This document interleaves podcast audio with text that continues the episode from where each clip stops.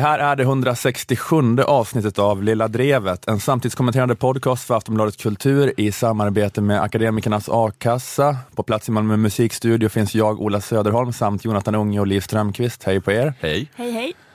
Den här veckan ska vi prata om äta rent-trenden, Mm. Sveriges Radios Sydamerika-bevakning, det viktiga eller oviktiga politiska budskapet i SVTs nya kostymdrama Vår tid är nu och så är det den här grejen med metoo också, Just det. kampanjen. Eller kallar man det kampanj? Metoo-rörelsen. Jag sa gate, men då blev jag rättad. Det är inte en gate. Nej, det är väl inte riktigt en gate. Det känns lite som fel beskrivning. Så. I alla fall, eh, först ska vi göra den här nya grejen då som eh, ingen gillar, men vi gör den här pluggrundan nu. Bara för att eh, undvika att göra den när alla börjar stänga av. Mm. När, där i slutet när vi börjar säga hej då. Smart. Så plågar vi folk med att, att göra det nu. Jag ska åka ut på den här eh, turnén i november då och det har lagts till ett datum eh, innan. Fredag 3 november är jag i Växjö och gör någon slags eh, smygpremiär, generalrepetition. Gör en lite slarvigare version Mm. utav showen. Vadå någonstans? försöker lära mig den på Café Deluxe. Trevligt. Gå in på Café Deluxe eh, hemsida så kan ni hitta biljetter till det. Eh, alla människor i Växjö. Övriga biljetter finns då på olasöderholm.se. Vill någon annan säga någonting? Ja, jag vill eh, göra reklam för att eh, jag nu den 28 oktober på lördag så kommer Unge Meyers lidande, podden som görs ihop, ihop med eh, judisk, eller under judisk krönika. Vi kommer ha en live-poddning, som jag sa, på Moriskan i Malmö eh, och tala om judisk humor. Du kommer med, Just det. Ahmed Beran kommer med. Vi kommer ha en professor i juda, judaika, heter det så? Judistik. Judistik ja, just det, snyggt. Heter det judistik? Att man är Så det finns expert ju på den, Jag vet judendom? inte om det är det han är, men det finns ju något som heter judaistik. Ja, i Lund finns det det, eller hur? Han, han kommer. Så om ni vill prova på någonting lite farligt, så gå på en judisk livepodd på Moriskan. Jag menar farligt för att det är i Malmö. Ja, precis. Många fantasier om att vi blir skjutna, så räddar jag Bianca Mayer. Du stryker med, men... Du anar inte vad hyllad du kommer bli.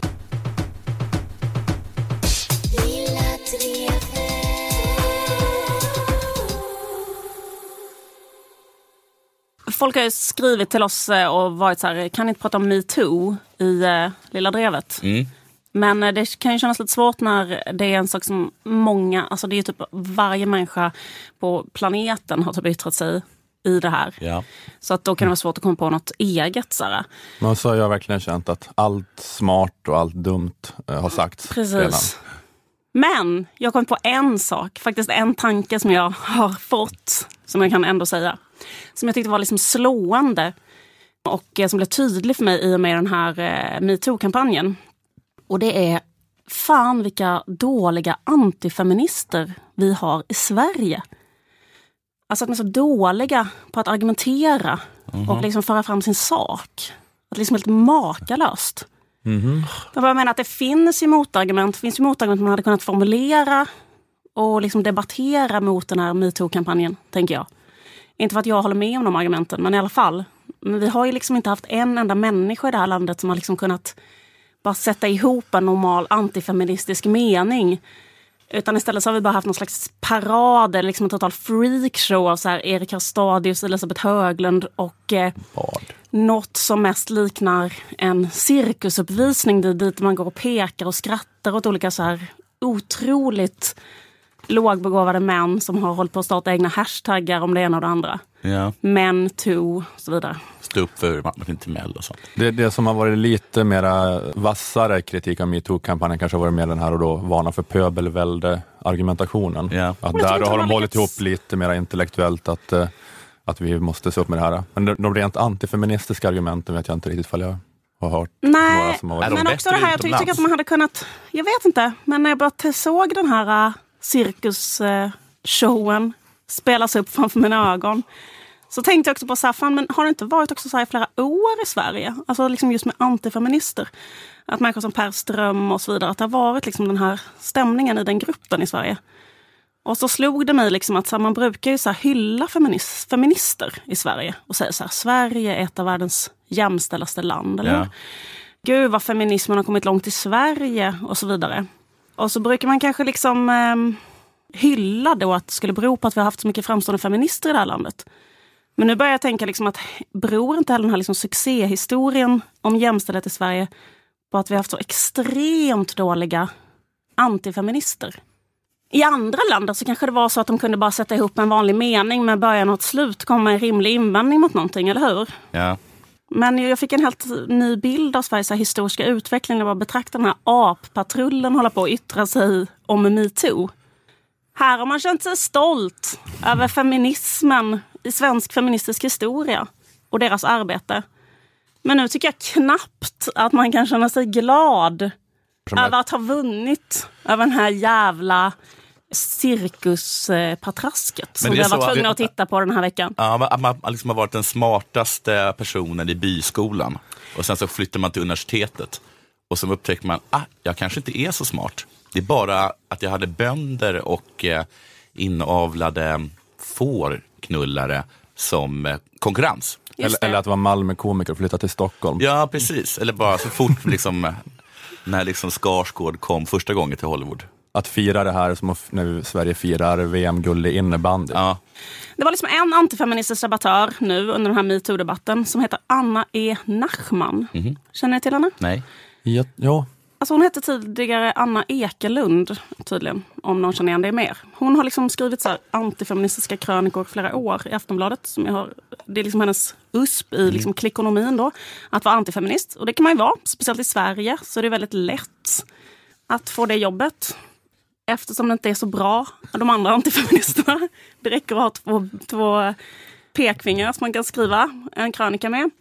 Och då var det liksom nu i, i, när metoo rullade igång så kände väl då någon liksom webbansvarig på SVT att det var dags igen att liksom peta lite på Anna E. Nachman med en lång pinne för att se om hon kunde vakna till liv. Säga några väl valda om, om metoo då på SVT Opinion. Ja, hur, hur går det då med den här debatten? Går det att hitta på något motargument mot den här kampanjen? Göra någon slags diskussion om det här? Då skriver Anna E. Nachman så här i sin krönika under rubriken Gör metoo världen bättre? Då skriver hon så här.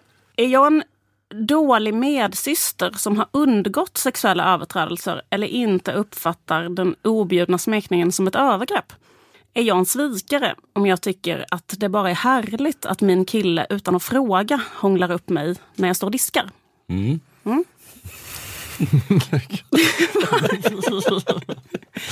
Men det är liksom bara då inte riktigt det som den här har handlat om. Det var ju liksom då inte riktigt så att det hela började med att Harvey Weinsteins egen fru larmade om att han hade kommit och hånglat upp henne när hon diskade utan att fråga.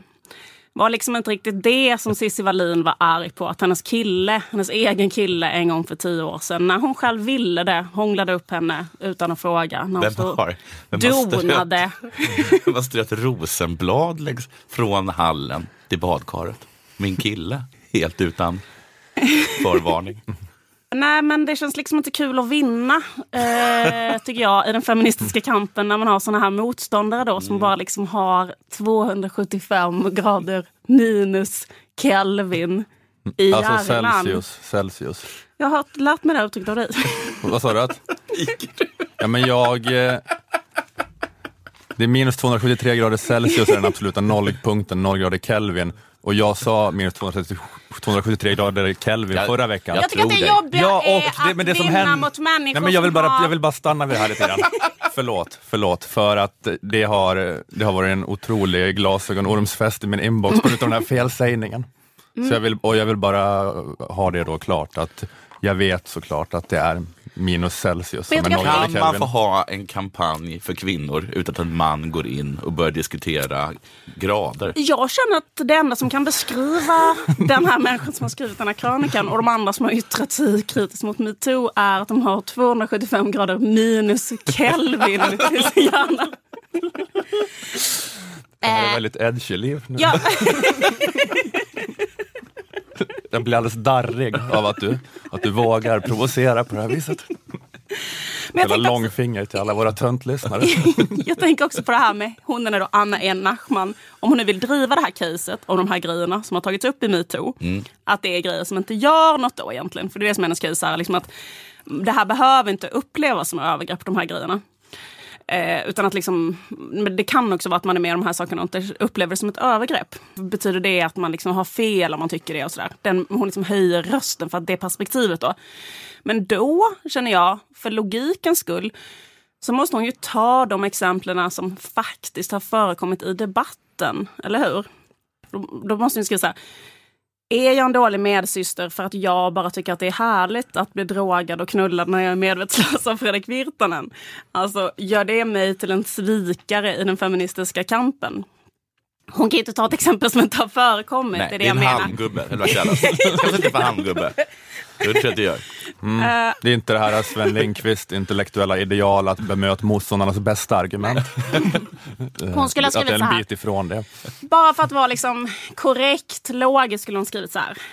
Att jag är en person, att om jag jobbade tillsammans med Martin Timell och han plötsligt förde upp ett finger i mitt underliv, att det skulle spela mig lika stor roll som att han liksom sätter upp ett finger i luften för att känna vart blåser vinden idag.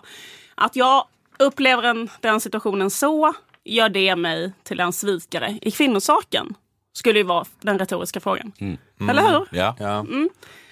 Men sån typ av logisk argumentation, det är för mycket för oss att hoppas på ja, jag förstår vad i du det här menar. jävla landet. ja, Så det låter inte heller som definitionen på effektiv antifeminism som skulle kunna få folk med sig och argumentera på det här viset. så att feminismen har vunnit, det är för att vi är sådana pushovers, eller bara dåliga. Otroligt dåliga. Vad menar du vi som antifeminister? Ja, det är sant, feminister. Vi som killar? Ja, men det, Jag bara tycker det är lite tragiskt och det har ju inte varit bara detta. Det har ju varit eh, verkligen eh, en lång radda av riktigt, riktigt dåliga, riktigt, riktigt tragisk argumentation tycker jag. Ja. det är väldigt mycket energi som går åt till att, att hålla på och vara pedagogisk med människor som kastar ur sig sådana här saker. Så här, så här, vadå, ska man inte, ska det vara förbjudet att göra ett lite klumpigt misslyckat raggningsförsök? Nej, nej det, eller ingen har sagt det. Eller ska det vara förbjudet att ha en överenskommelse med sin partner att man får röra vid varandra? Att, att det kom in sådana, väldigt mycket energi ägnas åt det. Liksom, Att eh, reda ut de här sakerna. Jag kan inte bara låta att reagera med, eh, med ryggraden när man säger att något i Sverige är dåligt. För att det där, åh det var dålig antifeminism i Sverige, då tänker jag bara på den ofta kommande kritiken om att svensk stand-up är så himla dålig. Ja, Och det är den ju. Ja, försök själv då. ja. Att det är med stand-up som är antifeminism, att det är en väldigt svår konstform. Det är Ja. Det är klart att de är väldigt- bättre i USA, de blir bättre på allt i USA. Ja, exakt. Det är nästan alltid dåligt, men när det är bra så är det så jävla Ja, bra. jävla så bra är det det med antifeminism och det stand-up. Alltså, för det första, var är det exemplet i antifeminist? Och för det andra, var är det exemplet i stand-up? I svensk stand-up? Men det finns, det finns ju ingen... Det, finns, men det, det, det är så svårt. Ska vi åka på turné nu? ja, men det, är så svårt det är så svårt med stand-up antifeminism så att det är så här max fem personer vid varje givet tillfälle i hela världen som är bra. Och ingen av dem har någonsin varit svensk. Nej. Men det är typ fyra amerikaner och en britt som är bra på antifeminism och stand-up samtidigt i världen. Tufft nu för Ola att åka ut på turné, vet att ingen i Sverige är bra på stand-up och att han får reda på att han inte vet vad noll Kelvin är. Det är inte, inte supermycket självförtroende han kommer gå upp på scen. Nej men precis. Nej, men det är ju tråkigt att tänka att det beror på det. Att det liksom då, eh, din släkting till exempel, som du alltid brukar skryta med, att du har feministiska släktingar. Ellen Hagen, Ja, men, eh, Och Frida Stenhoff. Och Frida Sten för de här människorna. Att de, att det inte var så bra. att de har liksom, du brukar prata om att de liksom gjorde att det blev rösträtt i Sverige, gjorde massa viktiga bra saker. Kanske var för att de hade liksom bara totala idioter som var på andra sidan. Som var liksom Det var inte som det var dummare för... än ett litet, litet barn. Så det var väldigt lätt för dem att liksom få igenom sina grejer. Jag ska genast ta ner Frida intellektuellt. porträtt Det var, det var svårare för de här Pankhurst eller vad de heter för någonting i Ja. England, att de var så vassa så. de eh, engelska gubbarna i och så här, Mm. argumentera varför kvinnor var dumma i huvudet. Men de här svenska antifeministgubbarna var bara så att eh, Vadå? Jag tycker- inte kyssa min kvinna? Ens på bröllopsdagen? Menar ni att det ska bli förbjudet att när prästen säger nu får du kyssa bruden ska inte jag få göra det? Hashtag metoo, hashtag mentoo, frågetecken. Och de bara, nej men vi vill bara ha rösträtt. Så, jag, ja, ja, okej, ja visst. Och så var det klart liksom. Men jag tänker inte, jag drar en röd en linje i sanden för det här att få kyssa under. Det tänk, där tänker jag inte backa i förhandlingen. Och så förhandlingarna Jag har gick till. rösträtt, jaha, att få ärva. Ja, ja, go ahead. Att få äga egendom, att få driva företag. Det är skitfint. Goda nyheter. Vi blev av med, vi blev av med rösträtten, men Jag får kyssa min fru när jag, när jag tycker att hon är så jävla vacker. Hon, hon bara kommer hem och är så jävla vacker så jag får jag kyssa henne. Där vek jag inte ner mig för de här jävla suffragetterna.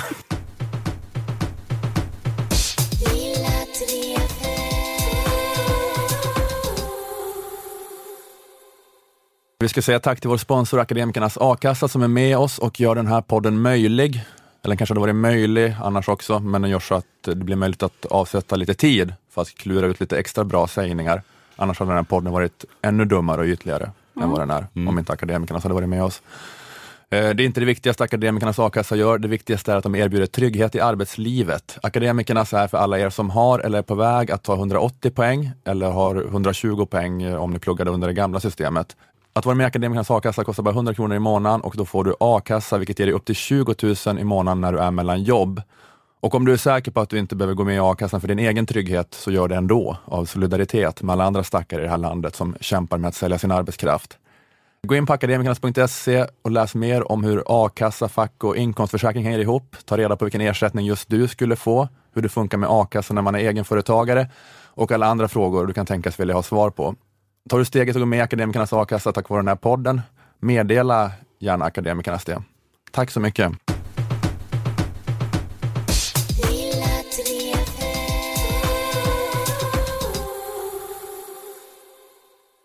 hunden åt min läxa. Det låter som en bortförklaring. Och det är det. För så här var det faktiskt på riktigt. Jag hade skrivit den här pratan då, så hade jag skrivit den på min dator och så tog jag med min padda istället. Och det låter som en bortförklaring, men det är det inte. Nej. Ni får lita på mig den här gången.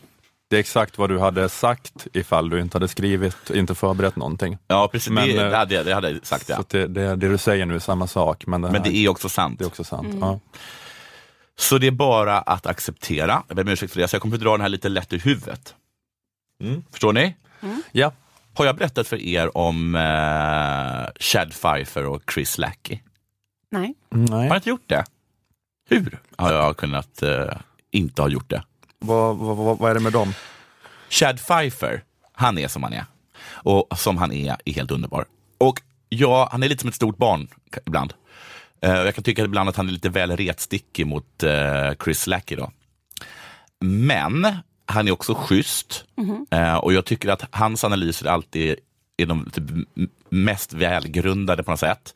Och han, är ju, han har ju läst han hade engelsk litteratur som huvudämne i college. Och, och de kommer upp, tycker jag, alltid liksom från, från ett håll som jag inte har eh, trott. Men vad är det för människor? Chris Lackey däremot, han är ju humanisternas humanist. Så jävla schysst. Och han får ofta spela lite liksom storebrorsa eller föräldrar som håller koll på Chad. Men man hör, tycker jag, att han tycker att det är kul, nästan extra kul när Chad går lite väl långt. Ja, ja, ja. Jag tycker också det är himla fint att de har kunnat upprätthålla sin liksom relation, fast då Chris då flyttade till York 2010. Vi återkommer till, till Chad Pfeiffer och Chris Lackey. Okej. Men jävla härlig i alla fall. Ja, ja, men jag känner att jag knyter an till dem trots att eh, sammanhanget är helt oklart Eller mig. hur? Nu till det jag ska tala om.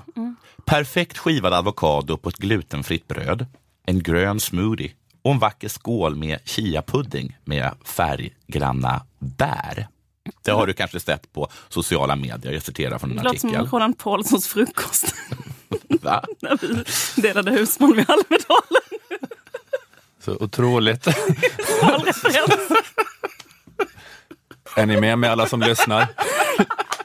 Ni vet Roland Paulssons frukost. Det var att jag och Ola en gång delade hus med honom i Almedalen och åt han chiapudding. Och så såg det väldigt gott ut. Det finns ingenting mer att säga om detta, bara att fan vad hälsosam han är. Det vet man kanske inte om honom. Jag var, inne, jag var inne idag bara på och, och scrollade på, på honom. Nej, men på, på scrollade på mitt flöde. Och då var Isobel Heidenkampf och Paula Neuding i något eh, blogg, eh, Facebook-inlägg och bara dreglade över en raw food cheesecake. Jaha. Ah. Okej, så det är stort eh, då bland eh, olika människor i den svenska medieoffentligheten med, med chiapudding och eh, ren, ren mat. Eh, clean eating, det här begreppet då, det är sånt som stenålderskost, raw food och pa, pa, paleokost. Är inte det samma som stenåldern? Eller? Jo, det är det ju faktiskt. Men paleo är att det är, det är ingen mjöl i brödet utan det är bara bröd som består av frön som man Ja, har du får, pressat precis, ihop. du, får typ. tugga, du får tugga ditt eget mjöl. Ja, säga. just det. Just det. Skapa en macka i munnen. Och det är liksom en rörelse då som, eh, det är liksom där man är emot halvfabrikat och det ska liksom vara ekologiskt och sådana saker. Men det är också då som att det som sägs då att den här liksom, maten den är ren, den ska dämpa inflammationer och ge lite skönhetsfördelar och sådana saker. Det är nästan, nästan religiösa, andliga övertoner. Man ska liksom rensas av den här, av den här maten. De som framförallt liksom satt igång den här trenden eller liksom skapar den, nu upprätthåller den, driver den framåt. Det är folk som bloggar och som har Instagramkonton. 45 miljoner inlägg på Instagram är taggade med hashtaggen Eat Clean och nästan lika många med hashtag Clean Eating. Och de har väldigt då eh, många och entusiastiska följare. Och det i sin tur ger då eh, att det kommer väldigt många och entusiastiska företagare i bakvattnet. Just det. För de kanske liksom rekommenderar någonting och då tas genast liksom den här produkten exempel upp av, av följarna och eh, konsumeras. Såklart, det är inget speciellt med det. Vad som skiljer lite den här marknadsföringen till skillnad från annan reklam eller marknadsföring som det sett ut tidigare, det är just förhållandet mellan de som har Instagramkontot och de som följer det. Till skillnad från, från tidigare. Jonas Colliander, forskare inom marknadsföring och sociala medier på Handelshögskolan. Han menar att det har att göra med ett vänskapsförhållande. Följarna utvecklar en illusion av ett vänskapsförhållande med de personer som postar bilder eller skriver inlägg. Man får ta del av vad de äter, var de bor och vem de dejtar, vilket skapar så kallad parasocial interaktion. Vi tror att vi känner en medial person. Och när en person vi känner rekommenderar något får det mycket större genomslag eftersom vi, eh, vi inte har samma filter på dem. När Amanda Schulman rekommenderar folk att äta ett piller, då är det liksom inte din idol direkt Amanda Schulman som rekommenderar dig att äta ett piller. Eller någon som du gillar. Utan det är Amanda Schulman, din faktiska vän, som rekommenderar ett piller till dig. Mm, det är inte som när någon, eh, när Beyoncé gör reklam för Pepsi eller någonting. Nej, det är inte riktigt så. Det är inte Clark Gable stod och sålde Lucky Strikes eller någonting. För att han var kanske någon du såg upp till, men han var faktiskt inte din, han var inte din kompis.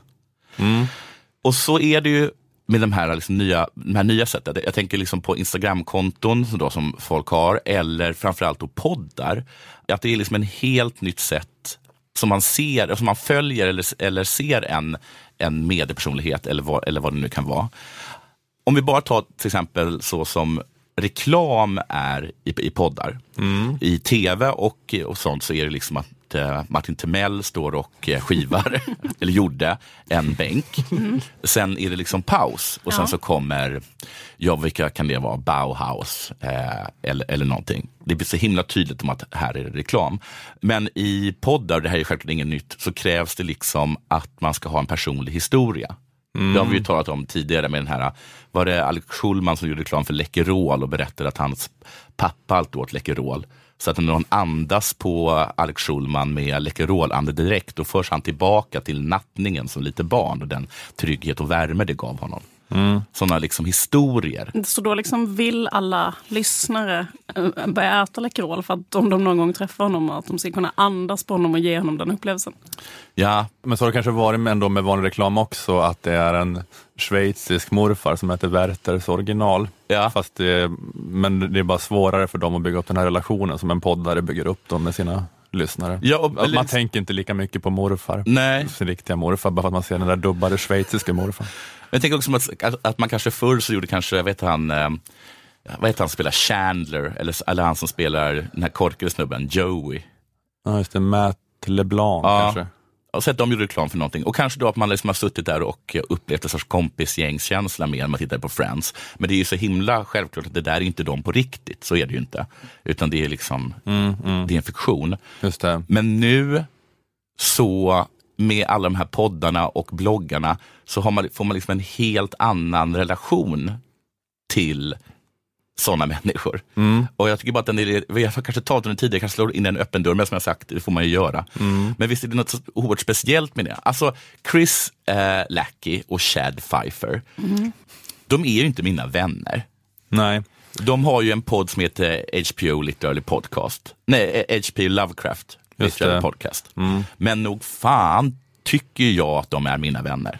De skiter i dig lika mycket som Beyoncé skiter i dig egentligen. Ja. Men du har fått, fått en helt annan uppfattning. Inte tror väl jag att, eh, att Chris Lackey vill att jag ska komma till Traveling Man som är en bokaffär som säljer fantasy i York och köpa hans grejer eh, för att jag är hans vän. Egentligen tror jag inte det.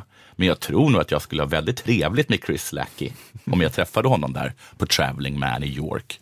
Säga någonting om att, hur du mår ditt nya barn och sådär.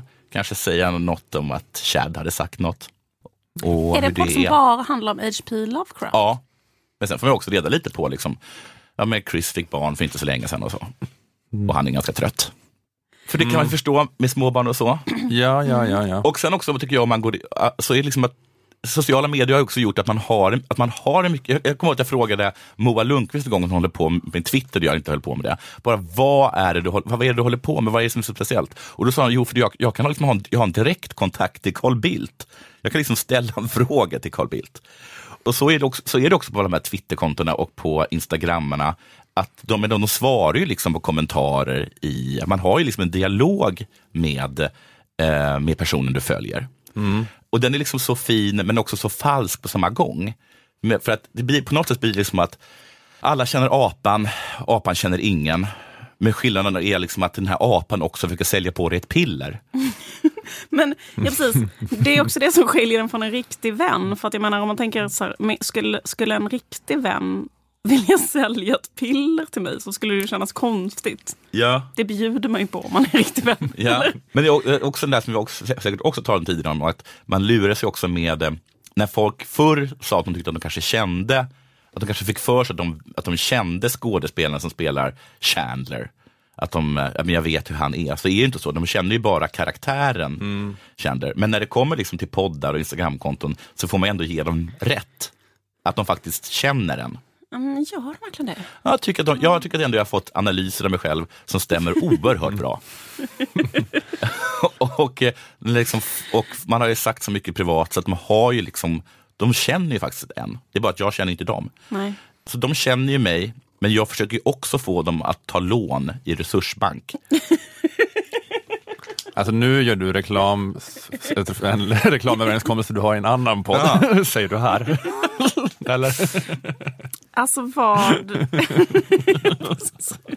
Men det säger jag som vän, Ola. Ja, just det. Ja, precis. För att, det, att du nämner det här gör att det inte känns så där falskt och kallt, utan nu är det bara ren vänskap. Att- När du säger det till, till våra lyssnare här. Men den här, Nu är det inte det här falska. Colliander tog också upp att på Instagramkontona så, finns det, så blir det liksom som ett, ett, en community i själva i kommentarspåret, liksom, där man kan kommentera under bilderna. Och många poddar, bland annat de som jag har, har liksom ganska, alltså verkligen levande grupper på Facebook eller på Discord eller, eller sådana saker. Liksom. Och där blir det som att eh, kritik slås liksom ner där. Om, om någon skulle så säga, men kanske är det inte det bästa låneräntan på den banken jag föreslår. Då, då kan det ibland bli liksom så att, att alltså det har inte hänt, men alltså, just det. i, Ja. i princip då, så, så, så, då går man liksom emot gruppen på Just något det. sätt. Och då slås liksom, alltså all form av källkritik blir mycket svårare. För att det blir liksom, du, du kritiserar ju inte bara produkten, utan du kritiserar liksom då din kompis som har rekommenderat den här eh, produkten. Precis som att det är svårare, tycker jag, att kanske argumentera mot en flickväns galna uppfattningar om kristallterapi. För att det är liksom din, det är din flickvän. Och liksom på något sätt lite så kan det, kan det kanske vara med eh, Amandas piller också. Ja, just det. Att det, hon har liksom satt sig själv i pant på ett annat sätt när hon rekommenderar den här produkten än, än när någon bara gör en Pepsi-reklam kanske. Eller att det är Ja, så, så, att- så att precis. de som gillar henne, de som, de, de som är hennes kompisar, tror de tror att det är en attack på en kompis och Ja, för- ska försvara. Man kan väl älska Beyoncé men, men också vara helt medveten om att Pepsi är mycket sämre än Coca-Cola. Jag vet, Det tror jag att vi alla vet. Men, eh, men om Beyoncé bjuder in dig till sitt vardagsrum och liksom tittar dig i ögonen, häller upp kanske Pepsi åt dig, kanske har hon tagit sig tid att kyla den. Då blir det svårare att, att uh, värja sig. Om det kommer in någon annan då och säger att det är äckligt med Och då Pepsi. skulle jag nog försvara Beyoncé. Ja, men då ja, ja, precis. Ja, Nej, jag tycker nog att Pepsi känns fräschare. Ja. mer ungdomlig touch. ja, också vad är det för jävla trist stil? Att Ja. komma in och sabba stämningen Ja, så. verkligen. Att eh, du, du, du förstör ju, du, det är bara ett antisocialt beteende. Ja. Och då kanske den säger, men jag tycker jättemycket om hennes musik. Ja, men håll käften, så säger man inte. man säger inte som Pepsi. Mm. Eh, ja, okej, det var ju som sagt hunden som hade ätit upp min prata. Men, vet visst är det här värt att tänka på?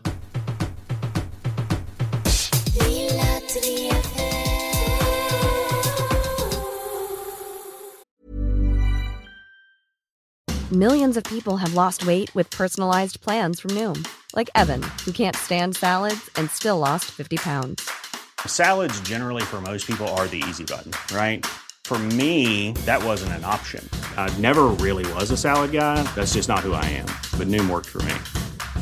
Get your personalized plan today at Noom.com. Real Noom user compensated to provide their story. In four weeks, the typical Noom user can expect to lose one to two pounds per week. Individual results may vary. Jag tänkte börja här med ett medley jag passade på att klippa ihop när jag researchade det jag ska prata om. Det är ett medley med klipp hämtade från de senaste månadernas avsnitt av P1s Godmorgon världen. Men först ska vi till Latinamerika och Guatemala. Ja, I Venezuela ska det idag genomföras ett mycket kritiserat val. Till Colombia nu. Hon bor i Nuevo Laredo, Mexiko, men går i skolan i Laredo.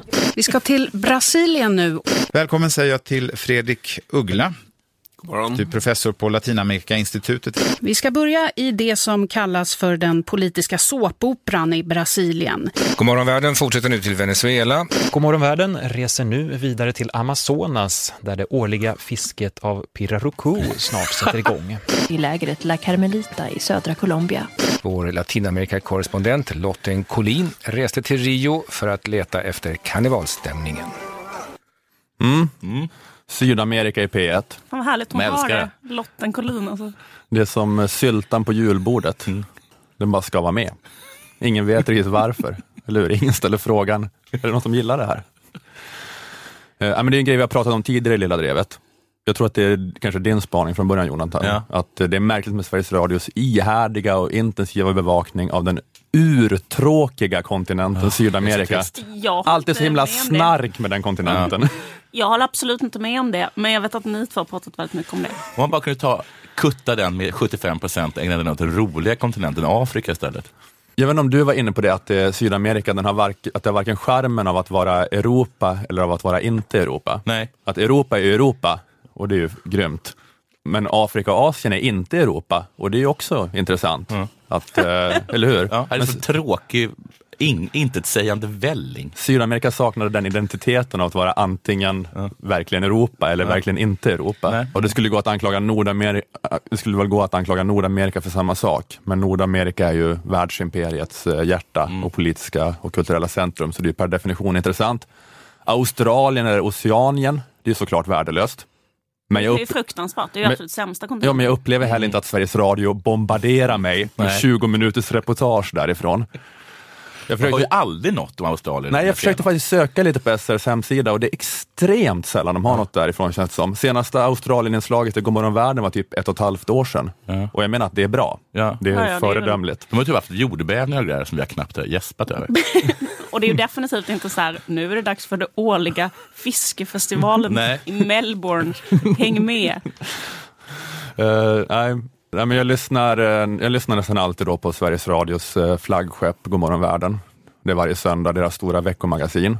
Och där bara pågår det så här vecka efter vecka. Samma dag som presidenten meddelade att han skulle utvisa Ivan Velasquez så lämnade jag in min avskedsansökan som hälsominister, säger Lucrecia Hernandez och diskar våra kaffekoppar i det lilla köket.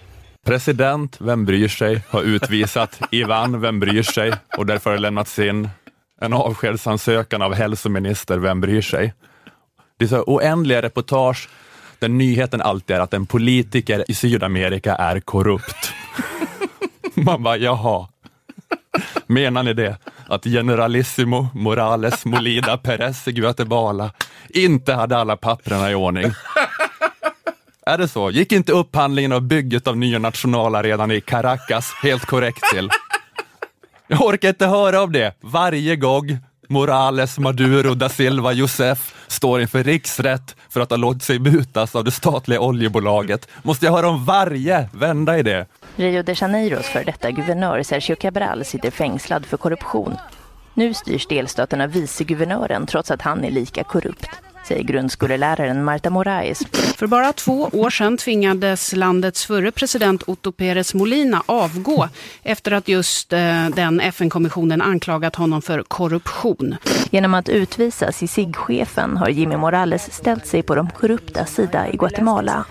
Och för presidenten Michel Temer är läget bekymmersamt. Han är anklagad för korruption. Han är en av dem som misstänks ha tagit emot mutor. Não, eu fui gravado, mas a alegação de que eu estaria... Eh... Och han är också anklagad för korruption. Och nästa person efter honom i successionsordningen som är talmannen i senaten, han är också anklagad för korruption. Ifall man skulle hålla nyval idag så är det mycket möjligt att vänsterledaren och ex-presidenten Lula da Silva skulle vinna det. Och han utreds också för korruption. Men hur intressant är det egentligen med den här informationen? Alltså det är väl jätteintressant för medborgarna i Guatemala att veta vilka politiker som är korrupta när de ska rösta nästa val. Men vad ska jag göra med all den här informationen? Alla de här namnen på olika farbröder och tanter där på andra sidan jorden som är korrupta. Alla mannen på gatan, intervjuer med folk som är så besvikna på Molina Morales. Nej, men för jag gjorde faktiskt eh, en liten undersökning nu då, mm. här. Alltså för det här har bara varit en känsla då av att vara P1-lyssnare, men jag tänkte att jag bara skulle kolla lite hur det ligger till. Eh, så jag gick igenom alla avsnitt av Godmorgon världen från i år, från mm. 2017. För jag tänkte att jag skulle räkna och jämföra antalet inslag om Latinamerika och antalet inslag om Norden. Mm. För parallellt med att jag tänkt på att det är mycket Sydamerika, jag tänkt på att är det inte ganska lite om våra grannländer? Jag vet, eh. inte ens vad, jag vet ju vad, vad Morales är president och vem som sitter i, i, i Stortinget. Det har jag ingen aning om. Ja. Ja, men jag ville jämföra. Hur, vilket gräv, Ola. Hur, hur många inslag eh, är det om Latinamerika och eh, inslag om eh, nordiska länder som inte är Sverige? Då? Och eh, jag lyssnade inte på alla avsnitt, utan jag har tittat på alla innehållsförteckningarna på mm. Gomorron Världens hemsida. Så det här kan vara fel om det är så att det är reportage de inte har listat i avsnittsbeskrivningen. Men jag tror inte det, jag tror de skriver ut allt som är med.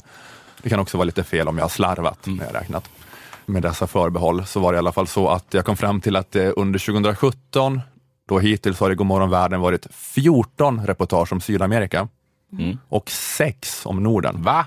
Fem om Finland, ett om Norge, noll om Danmark och noll om Island. Ah, för oss som skåningar känns det ju väldigt konstigt.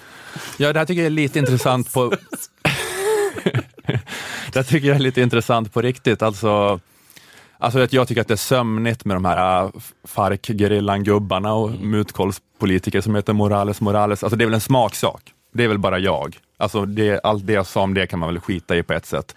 Uh, men den här statistiken funderar jag ändå på lite grann utifrån public service-uppdraget. Att det, är väl, det är väl jättebra att jag får veta om varenda vändning i parlamentet i Guatemala. Men ska jag inte få veta något om vad som händer i parlamentet som är en halvtimme med tåg härifrån? Jag bor ju för fan i gamla Östdanmark. Jag får inte någon information om vad som händer i Västdanmark. Och det påverkar ju oss också med det, om de ska hålla på med skatter och så. Jag ska bara få veta om rytmiska gatuprotester i Guatemala City. och alla de här namnen på de här människorna. Vilka är de här människorna med namnen? Idag hålls eh, kongressval i Argentina med en valkampanj som har präglats av frågan Var är Santiago Maldonado? Eh, Santiago Maldonado heter han. Eh, varför gå över ån efter vatten när vi bara på andra sidan bron har en person som heter Lök? Men du tycker inte att alla exil, det var ju väldigt mycket liksom en stor diaspora från Latinamerika. Tycker du inte att de kan få, eh, att deras eh, gamla hemländer ska få en eh, Jaha, rapportering om, om vad, vad som sker där? Nej, jag tycker inte det. Men, eh, det bor ändå fler danskar i Sverige. Jag tycker, för, förlåt, alltså, no offense Ola, men den här spaningen, så här, åh, varför, det är också lite grann varför är vi så kulturellt influerade av USA och varför, är vi inte, mm. varför vet vi liksom inget om populärkulturen i Finland men vi vet allt om populärkulturen i USA? Är inte det också bara så här, Mm, fast jag läste Finland, Danmark, Norge, Island. Det händer inte så mycket där som är... Vadå? Har jag, har jag väl rätt? Det händer säkert massa grejer. Bara att vi har ingen Du menar, journalist att, du menar att det händer mera i Guatemala och Ecuador som vi borde höra om? Ja, det får verkligen stå för dig. Nej, men jag kan tycka att det är jag kan, ty- jag kan tycka att det är märkligt att den här äh, närhetsprincipen som man har hört om har så oerhört lite genomslag här. Att SR då har som uttalad policy att ignorera grannländer eh, på bekostnad av Sydamerika. Eller man kan väl ha både och. Det är väl bra att den här sydamerikanska diasporan får information också, men jag tycker att det är synd att man eh, har den här policyn att ignorera grannländer. Det är synd för att är det något svenskar skulle behöva, tycker jag, så är det mer information om Norden. Att det är en väldigt svensk grej det där att inte veta ett skit om Norge, inte veta ett skit om Finland, absolut ingenting om Danmark. Men sen så kan vi sitta och skriva folk på näsan om senaste regionsvalet i eh, Uruguay. Ja, men om, Det är typiskt svenskar. om det finns, ja, men om det finns Men jag någon, håller med dig, jag stöttar dig. om det, om, om det finns någon svensk liksom ängslighet och PK-reflex eh, inför andra kulturer, så är den helt bortblåst när det gäller grannländer.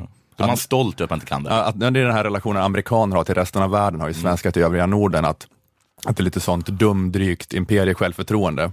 Att en sån här ignorans som är så naturlig och obekymrad.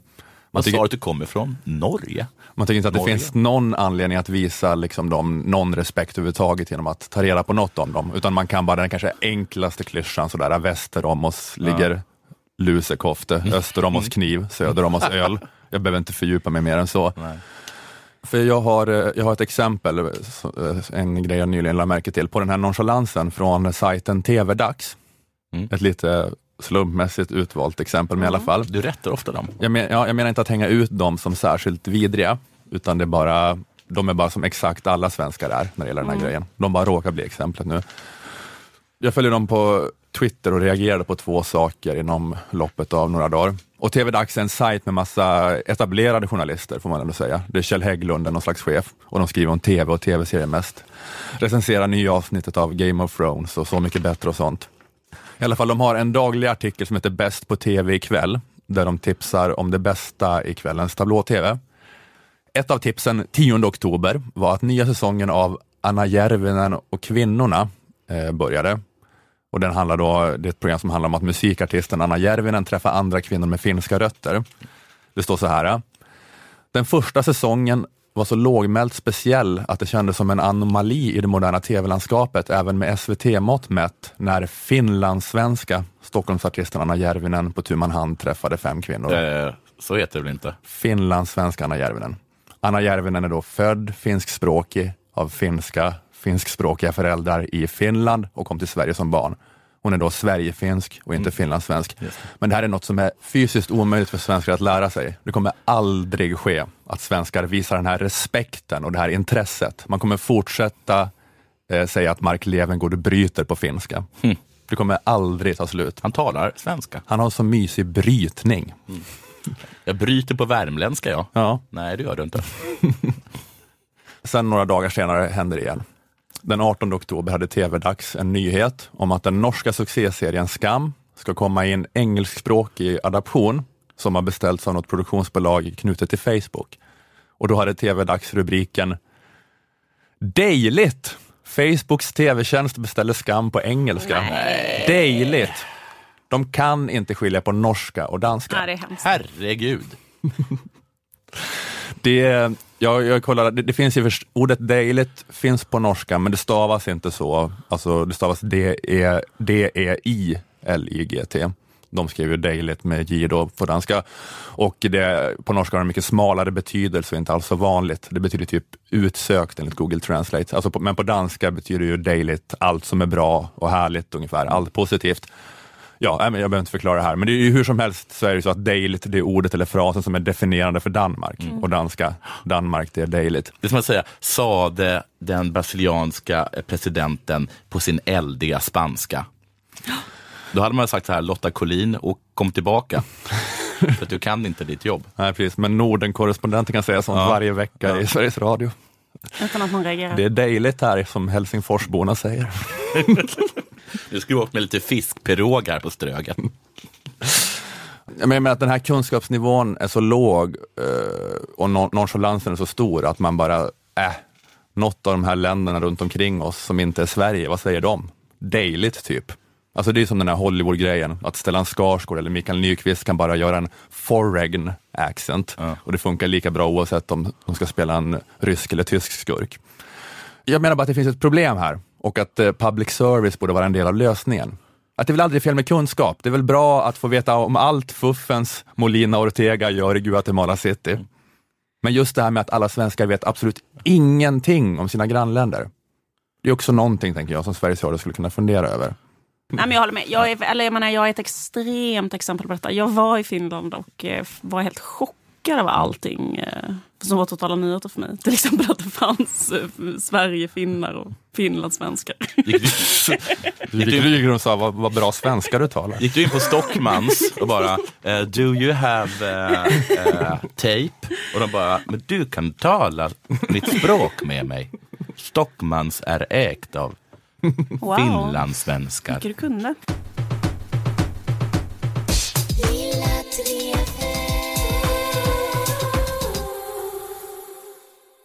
SVT har gjort sin största dramasatsning genom tiderna. Oh, så vad heter den nu igen? Vår tid är nu. Vår tid är nu. Just det. Är det den största genom tiderna? Det är citat den största dramasatsningen genom tiderna Oj, i SVT. ja. Jag har sett reklamen för den. Ja. I tunnelbanan. Det är eh, en, ett historiskt drama som utspelar sig precis efter att det har blivit fred efter andra världskriget. Och handlingen kretsar då kring en familj som driver ett värdshus. Jag ska bara liksom kort eh, sammanfatta vad den handlar om för lyssnare som inte har sett den. Mm. Och dig, Jonathan. Du har sett lite kanske, Ola? Eller? Ja, jag har kanske sett ett tredjedels avsnitt ungefär. Man kan säga att det finns tre huvudspår i den här berättelsen. Ett spår är om en ung driven kökspojke som ogillar regler men älskar matlagning. Och skakar om i det stelbenta köket med deras mossiga gamla vanor. Vad är det där? Det är en eh, champinjontoast, fru Levander. Ja, det här är ju inte alls vad jag brukar bli serverad. Ber om ursäkt om jag gjort fru Levander besviken. Men det var gott. Gläder mig att höra, fru Levander. Berätta för mig vad som är hemligheten med en lyckad toast. Och eh, så finns det ett annat spår som är en kärlekshistoria mellan den här eh, unga, nytänkande champinjontoast-killen och den fina dottern i familjen. De eh, övermannas av passion, matar varandra med körsbär, badar nakna, alla andra eh, filmklichéer ni kan tänka er. Tjejen springer naken ner i vattnet och skriker till killen kom, kom. Han går och tycker det är lite kallt, skvätter hon lite grann på honom. Slutar med att de älskar passionerat på en klipphäll. Och så vidare.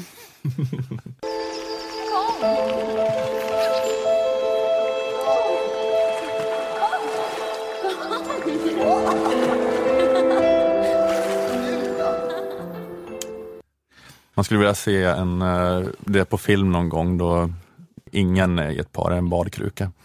Eller båda är det kanske. Nej, men också, jag har nog aldrig ens en gång sett en film där det är tjejen som är badkrukan. Utan är inte, det, är inte liksom den klassiska, den här, ett heteropar ska bada, att det är tjejen är liksom så här frigjord, kastar kläderna, killen liksom, hon liksom Mm. hoppar i. Ja, och i dessa tider kanske jag inte ska säga detta, men är det inte ofta tjejerna som är i badkrukor?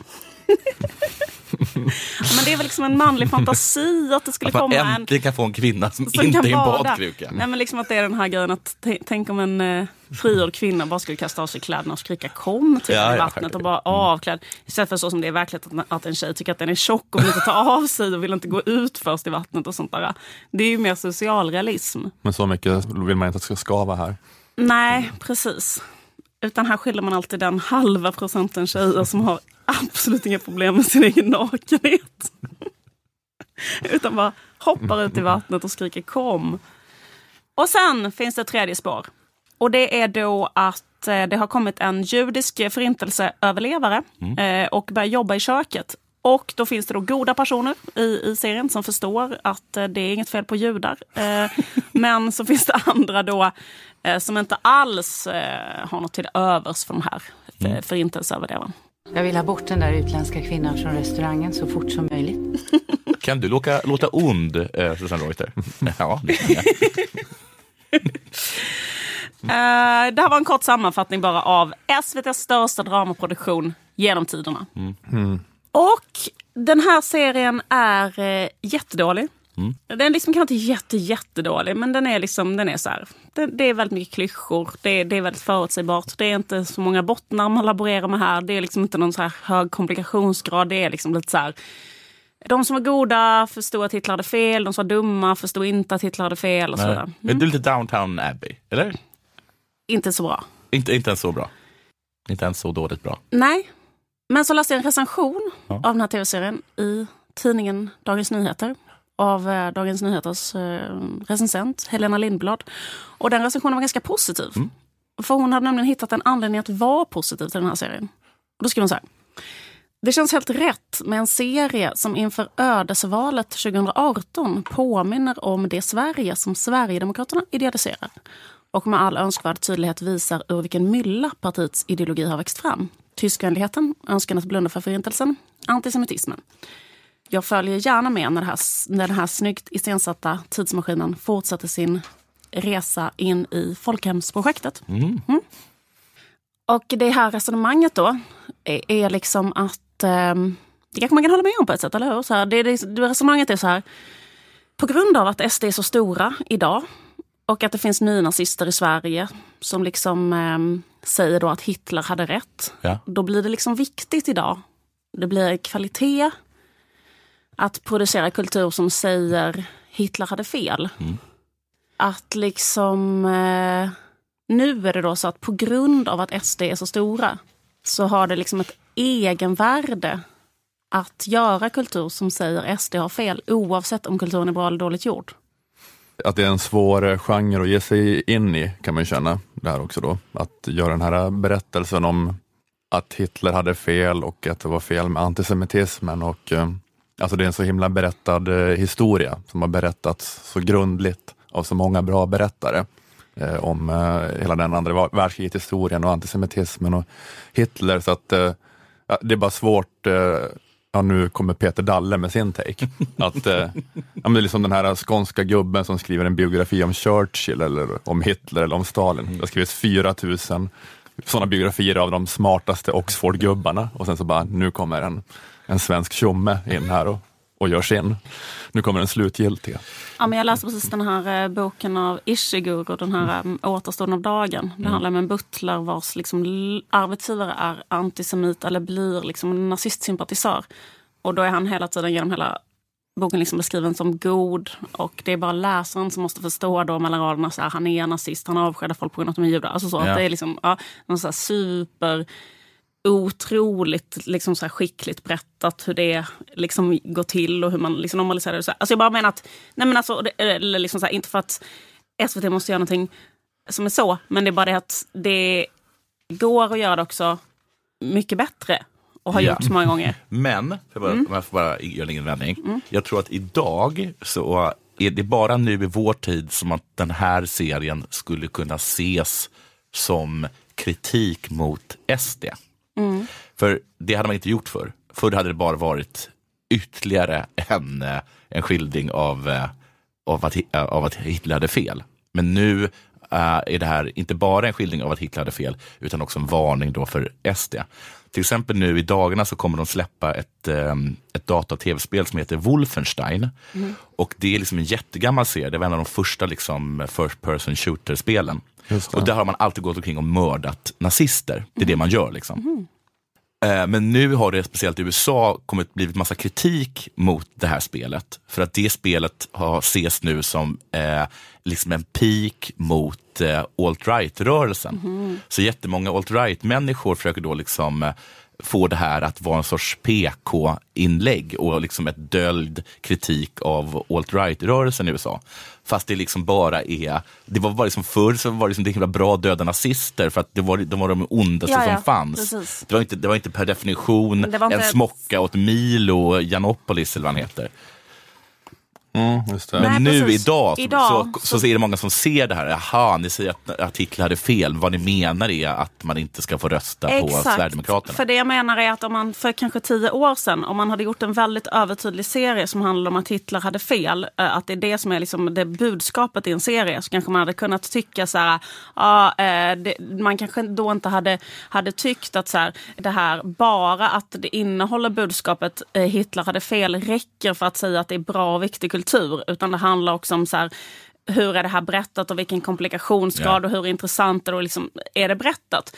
Men liksom, då, då är liksom den här spaningen, och det tycker jag liksom är ett tecken i tiden, att det känns som att många då tycker det här, vilket man liksom absolut kan tycka, som hon tycker här då, liksom att på grund av att SD är så stora så finns det ett värde i sig som är att producera kultur som säger bara väldigt enkla, jättebanala grejer som nästan alla liksom är med på här. Och det, och det kan man tycka, det kan man absolut tycka. Det kanske är så till och med.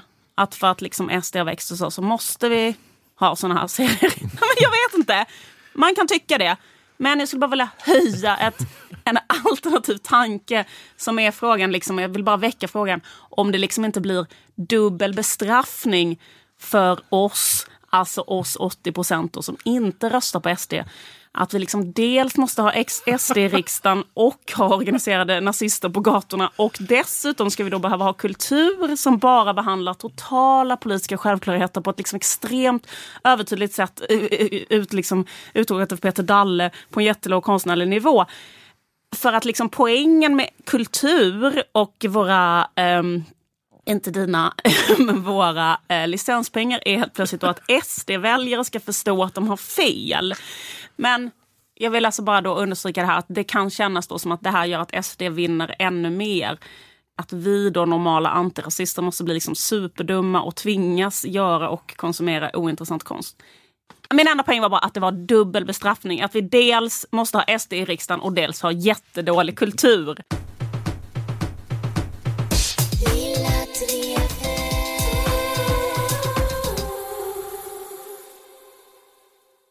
Okej, det var allt för den här veckan. Vi säger tack till Aftonbladet Kultur och Akademikernas A-kassa. Tack till Malmö musikstudio där vi spelade in. Ni heter Liv Strömquist och Jonathan Unge. Jag heter Ola Söderholm. Lilla Drevet är tillbaka igen om en vecka. Hej då! Hej! Hej då!